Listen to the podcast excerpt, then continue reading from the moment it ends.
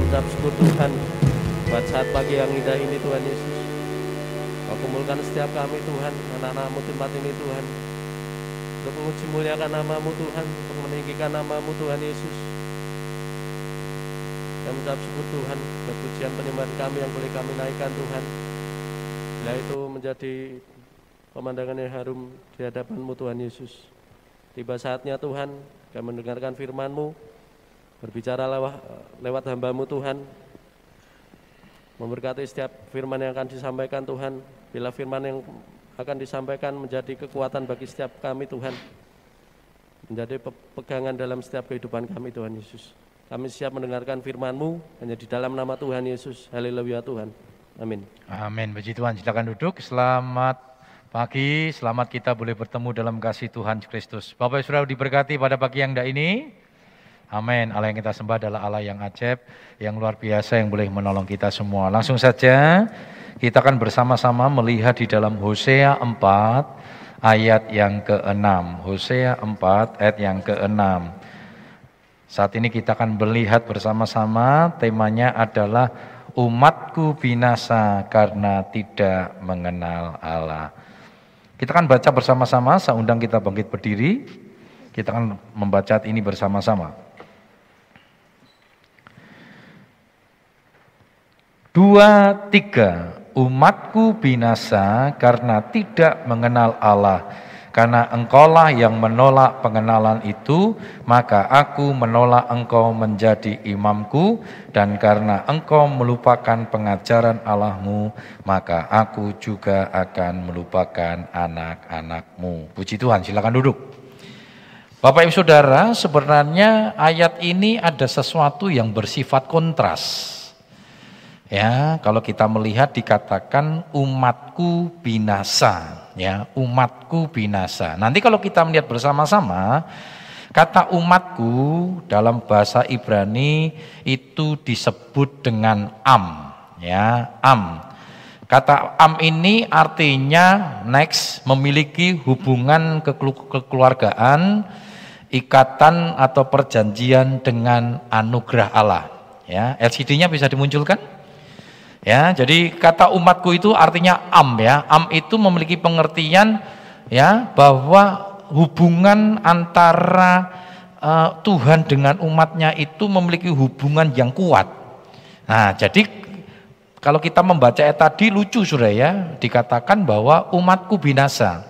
Nanti kalau kita melihat di dalam Ibrani 13 ayat yang kelima B, di situ dikatakan bahwa Allah itu selalu menyayangi dan memelihara umatnya.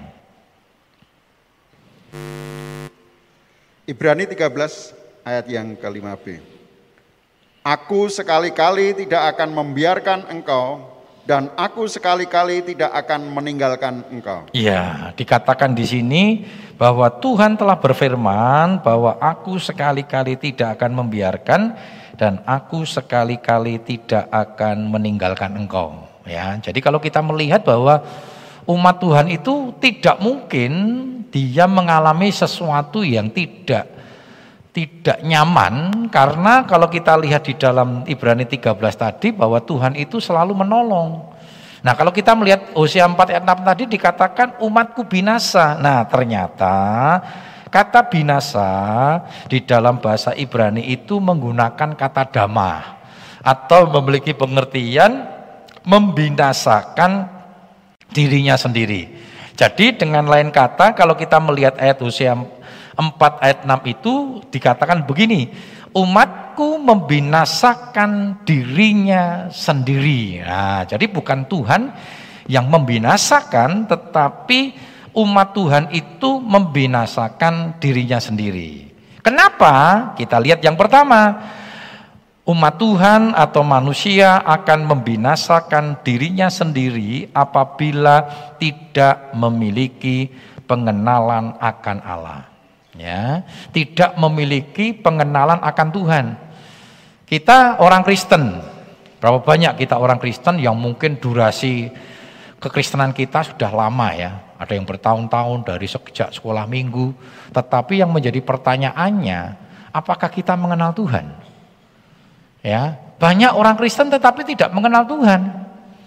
Makanya buktinya apa? Ketika kita menghadapi persoalan, ketika kita menghadapi masalah, berapa banyak yang akhirnya kita marah sama Tuhan atau mulai tidak mengucap syukur ya. Padahal nanti kalau kita lihat tadi di dalam Ibrani tadi bahwa umat Tuhan itu selalu tidak pernah ditinggalkan. Coba kita lihat dalam Yesaya 1 ayat yang ketiga.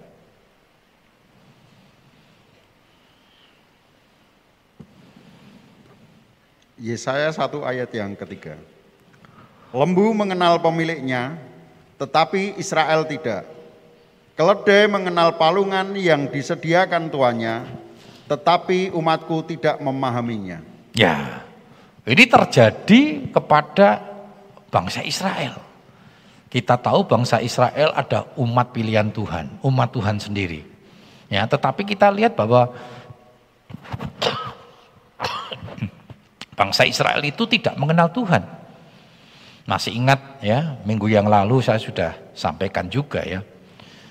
Ketika bangsa Israel ditinggal oleh Musa untuk bertemu dengan Tuhan di Gunung Sinai.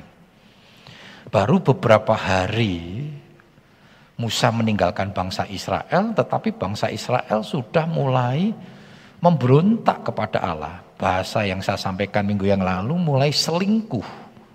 Padahal kalau kita lihat ketika bangsa Israel membuat anak lembu emas, ya proses membuat anak lembu emas kan tidak tidak cepat, saudara ya. Kita tahu alat-alat yang dipakai pada waktu itu tidak seperti alat-alat sekarang. Di situ kita melihat bahwa bangsa Israel masih disertai dengan Tuhan buktinya apa? Ada tiang awan, ada tiang api. Bayangin ya.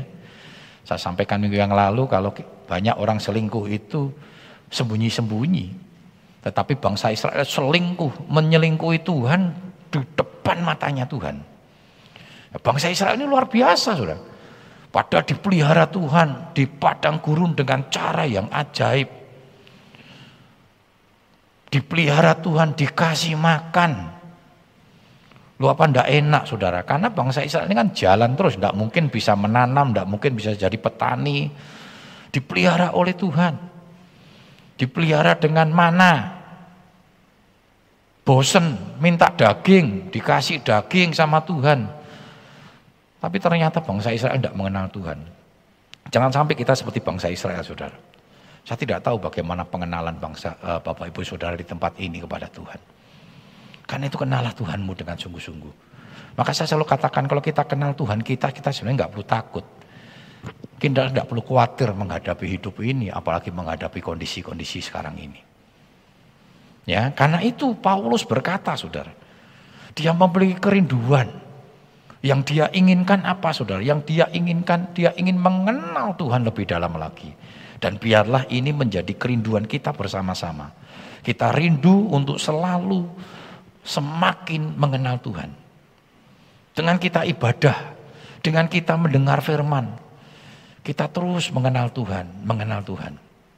Itu yang menjadi doa saya sudah setiap pagi. Saya selalu berdoa supaya umat-umat Tuhan, jemaat-jemaat GPD Siloam semakin hari semakin mengenal Tuhan. Bahkan goalnya adalah kita memiliki hidup yang sama seperti Yesus. Coba kita lihat sama-sama di dalam Filipi 3 ayat yang ke-10. Filipi 3 ayat yang ke-10. Yang ku kehendaki ialah mengenal dia dan kuasa kebangkitannya dan persekutuan dalam penderitaannya di mana aku menjadi serupa dengan dia dalam kematiannya. Iya. Ini yang dikendaki Paulus, Saudara. Yang dikendaki Paulus apa? Mengenal Tuhan. Yang dikendaki Paulus bukan duit,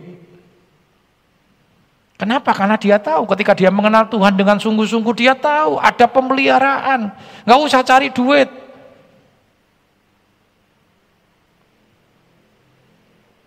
Tuhan akan tolong. Ya, di dalam setiap usaha pekerjaan diberkati oleh Tuhan. Di dalam setiap kehidupan kita, kita diberkati oleh Tuhan. Ya, itu kalau kita mengenal Tuhan. Jadi berapa banyak orang uh, menjadi binasa Kenapa? Karena tidak mengenal Tuhan dengan baik. Orang yang tidak mengenal Tuhan dengan baik, dia akan mengandalkan kekuatan manusia. Firman Tuhan mengingatkan pada kita ketika kita mengandalkan kekuatan manusia yang ada adalah terkutuk. Dia tidak diberkati oleh Tuhan. Yang kedua, umat Tuhan atau manusia akan membinasakan dirinya apabila menolak atau mengafkir Tuhan. Berapa banyak ya manusia hari-hari ini menolak, mengafkir Tuhan, atau menjadikan Tuhan itu seperti ban serep. Nanti nyari Tuhan kalau sudah kondisi-kondisinya mentok saudara ya. Coba kita baca dulu dalam 2 Timotius 4 ayat 3 sampai 4. 2 Timotius 4 ayat 3 dan 4. Karena akan datang waktunya orang tidak dapat lagi menerima ajaran sehat. Tetapi mereka akan mengumpulkan guru-guru menurut kehendaknya untuk memuaskan keinginan telinganya. Mereka akan memalingkan telinganya dari kebenaran dan membukanya bagi dongeng. Iya, ya. Nanti kalau kita lihat bersama-sama di sini dikatakan akan ada waktunya orang tidak lagi menerima ajaran sehat. Tantangan gereja di akhir zaman bukan masalah fisik. Jadi kalau gereja dibakar, diresolusi, fakta membuktikan bahwa gereja itu akan diberkati oleh Tuhan. Ya, makanya Yusuf Roni pernah menulis semakin dihambat, semakin merambat. Fakta gereja bahkan nanti kalau kita melihat dalam kisah delapan Ketika gereja mengalami penganiayaan secara fisik, gereja semakin berkembang. Tetapi nanti kalau kita melihat tantangan yang terbesar bagi gereja di akhir zaman itu adalah ajaran-ajaran sesat. Ada beberapa ajaran-ajaran sesat yang dikategorikan oleh gereja-gereja di Indonesia. Baik itu PGI maupun PGPI atau aliran atau persekutuan-persekutuan gereja yang lain. Ya, Mormon. Lalu walaupun Mormon itu oleh pemerintah tidak disesatkan, Saudara. Ada saksi Yehova, ya, Children of God, banyak Saudara ya. Tetapi sekarang juga ternyata kelihatannya gereja-gereja yang sinodenya tidak dianggap sesat, tetapi ada banyak pengajaran-pengajaran yang sesat. Beberapa waktu yang lalu, ya Oma Oma Mari itu bagus saudara ya. Seringkali kalau dia ada sesuatu yang bagi dia itu membingungkan, sering kali dia tanya sama saya. Dia pernah tanya begini, Gus, apa ada istri rohani? Saya tanya begini, ah, kok saya mendengarkan khotbah ya. Suka mendengarkan di apa namanya radio membaca gitu sudah ya. Kok ada dikatakan ada satu gereja di Jawa Tengah ini saya nggak perlu sebutkan namanya sudah dia berkata dia punya istri rohani. Maksudnya piye Uma? Dia punya istri jasmani. Jadi istri jasmani itu istri yang sah. Istri yang sah. Nah, artinya di catatkan secara catatan sipil, lalu diberkati di gereja, lalu hidup sebagai suami istri. Lah maksudnya istri rohani? Maksudnya begini, dia punya istri rohani dalam pengertian di dalam pelayanan. Dia mbak istrinya ra cocok. Dia nyatakan itu di mimbar. Bahwa dia dengan istrinya nggak cocok kalau melayani. Dia punya istri rohani, dia sebutkan. Nah pokoknya melayani, dia berdua bersama dia. Dan jemaat mengaminkan. Oh, luar biasa saudara ya. Nah hati-hati saudara. Karena kadang ya seorang figur, seorang gembala, seorang pendeta. Makanya firman Tuhan ngomong gini saudara. Yang pertama kali dihakimi oleh Tuhan adalah bait Allah, rumah Tuhan. Kenapa? Yang dihakimi pertama adalah pendeta-pendeta. Sebab kalau jemaat berbuat dosa, dia hanya berdosa terhadap dirinya sendiri. Tetapi kalau gembala atau pendeta berdosa, dia tidak hanya berdosa terhadap dirinya sendiri tetapi kepada umat. Apalagi ketika dia mengajarkan sesuatu ajaran yang sesat. Makanya firman Tuhan katakan, awasilah ajaranmu. Karena itu kami gembala-gembala harus betul-betul menjaga ajaran. Kalau kita orang orang Pantai Kosta ya harus doktrinnya ke doktrin Pantai Kosta. Karena itu dengan tulus selalu saya katakan pada Bapak Saudara, jemaat-jemaat GPD Siloam, doakan gembalamu. Saudara ada banyak pengajaran-pengajaran hari-hari ini yang kelihatannya secara sinodal sehat. Waktu itu saya nggak percaya. Ah, yang benar tuh Oma, karena Oma sempat sebutkan gereja itu. Lalu saya coba menyelidiki, ternyata betul. Ternyata betul. Mungkin Bapak Saudara sudah tahu ketika saya cerita bicara begini, mungkin Saudara sudah pernah dengar itu. Itu sesat Saudara. Mana ada istri rohani, istri jasmani. Istri itu ya menjadi istri kita, baik dalam pelayanan, dalam apa pun dia harus menjadi penopang. Ya, kalau sampai istrinya tidak bisa menjadi penopang, ya didik istrimu untuk bisa menjadi penopang. Ya, saudara, Manusia lebih memilih atau menggantungkan hidup dengan hal-hal duniawi yang bersifat fana dan tidak memberi kepastian. Nah, saudara ya, percaya kepada bintang, percaya kepada show, percaya kepada primbon, bintangmu opo Leo, oh Leo tuh begini, waduh lalu mencoba apa ya e, mematenkan itu. Ya terserah wong aku Leo Leo sifatnya yang ini ora seneng karepmu ora terima ya karepmu. Nanti dulu saudara. Yang nyiptakin Leo itu sifatnya gini tuh sopo saudara? Nek dulu ada majalah yang pertama kali dibuka bintang ya seret waduh. Leo asmara hari ini akan putus pacar. Wah percaya saudara ya. Hari ini waktunya nembak. Wah saudara ya. Begitu ditembak orang keterima saudara ya. Hati-hati. Ada yang show. Show monyet. Saya itu kalau secara show ketek saudara ya. Wah ada yang show pitik. Wah pitik itu bagus. Sengannya kereker saudara ya babi, oh males saudara ya. Waduh, kok percaya sama show. Primbon, hati-hati saudara ya. Ada yang percaya sama primbon? Om, percaya nggak percaya ya om? Waduh, lah saudara itu sopo sing nyiptake primbon? Menungso. Toh yang nyiptake primbon ya mati saudara. Jangan percaya, percaya kepada firman Tuhan. Percaya kepada kebenaran firman Tuhan. Amin. Loh halo nih, kita percaya kalau show ketek kabeh saudara ya. Wah, Om ora percaya, aku pitik loh Om. Loh, pitik? Saudara itu manusia loh.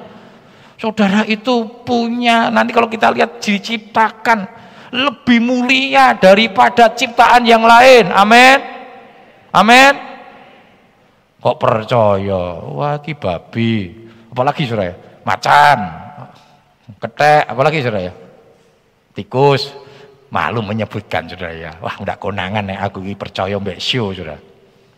Ya, percaya bahwa kuasa Tuhan itu nyata. Coba kita baca dalam Roma 1 21 23 sampai 23.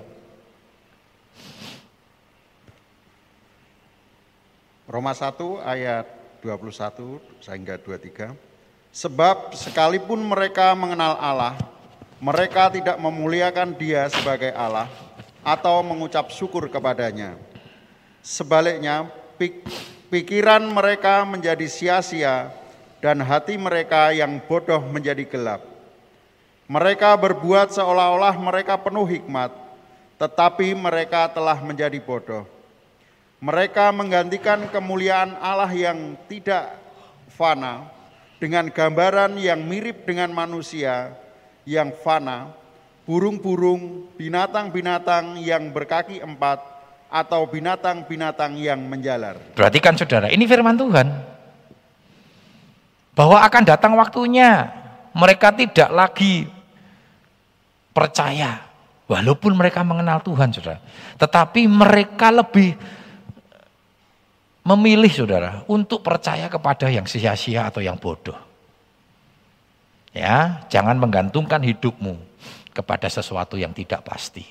Kebenaran firman Tuhan adalah sebuah kepastian. Amin yang ketiga, manusia akan membinasakan dirinya apabila melupakan Allah. Melupakan Allah itu artinya dengan sengaja melupakan kebaikan-kebaikan Tuhan yang pernah dialami. Hati-hati saudara. Jangan pernah melupakan Tuhan. Berapa banyak kita sering kali melupakan Tuhan. Meninggalkan Tuhan. Ya, coba kita baca dalam ulangan 8, 17 hingga 20. Ulangan 8 ayat 17 hingga 20. Maka janganlah kau katakan dalam hatimu, kuasaku dan kekuatan tangankulah yang membuat aku memperoleh kekayaan ini. Tetapi haruslah engkau ingat kepada Tuhan Allahmu, sebab dialah yang memberikan kepadamu kekuatan untuk memperoleh kekayaan, dengan maksud meneguhkan perjanjian yang diikrarkannya dengan sumpah kepada nenek moyangmu seperti sekarang ini. Tetapi jika engkau sama sekali melupakan Tuhan Allahmu dan mengikuti Allah lain, beribadah kepadanya dan sujud menyembah kepadanya, aku memperingatkan kepadamu hari ini bahwa kamu pasti binasa. Seperti bangsa-bangsa yang dibinasakan Tuhan di hadapanmu, kamu pun akan binasa, sebab kamu tidak mau mendengarkan suara Tuhan Allahmu. Iya. Ini Tuhan Tuhan mengingatkan ya kepada bangsa Israel karena bangsa Israel itu selalu melupakan Tuhan, melupakan kebaikan Tuhan, sering kali meninggalkan Tuhan. Jangan pernah kita meninggalkan dan melupakan Tuhan. Apalagi hari-hari ini, hari-hari di mana kita memerlukan Tuhan. Ya, kita berada di hari-hari akhir.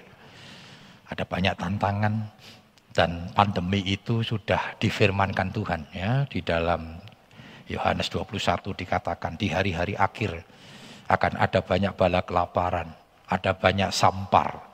Ya, sampar itu bicara pandemi. Bicara penyakit yang menguasai banyak manusia. Dan firman Tuhan ingatkan jangan terkejut. Kita sebagai orang-orang percaya tidak usah terkejut. Karena memang Tuhan itu senantiasa menolong dalam setiap kehidupan kita.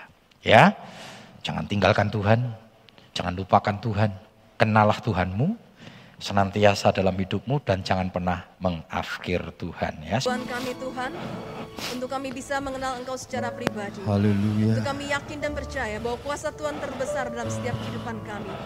Untuk kami selalu mengandalkan kekuatan Tuhan. Karena Allah begitu mengasihi kami, karena Allah begitu memberkati setiap kehidupan kami. Kalau sebentar kami akan kembali Tuhan untuk menerima tubuh dan darahmu. Bila semua ini boleh menjadi peringatan bagi kami, boleh menguatkan kami bahwa kasihmu luar biasa bagi kami semua. Terima kasih Bapa di surga. Di dalam nama Tuhan Yesus kami tak berdoa. Haleluya. Amin.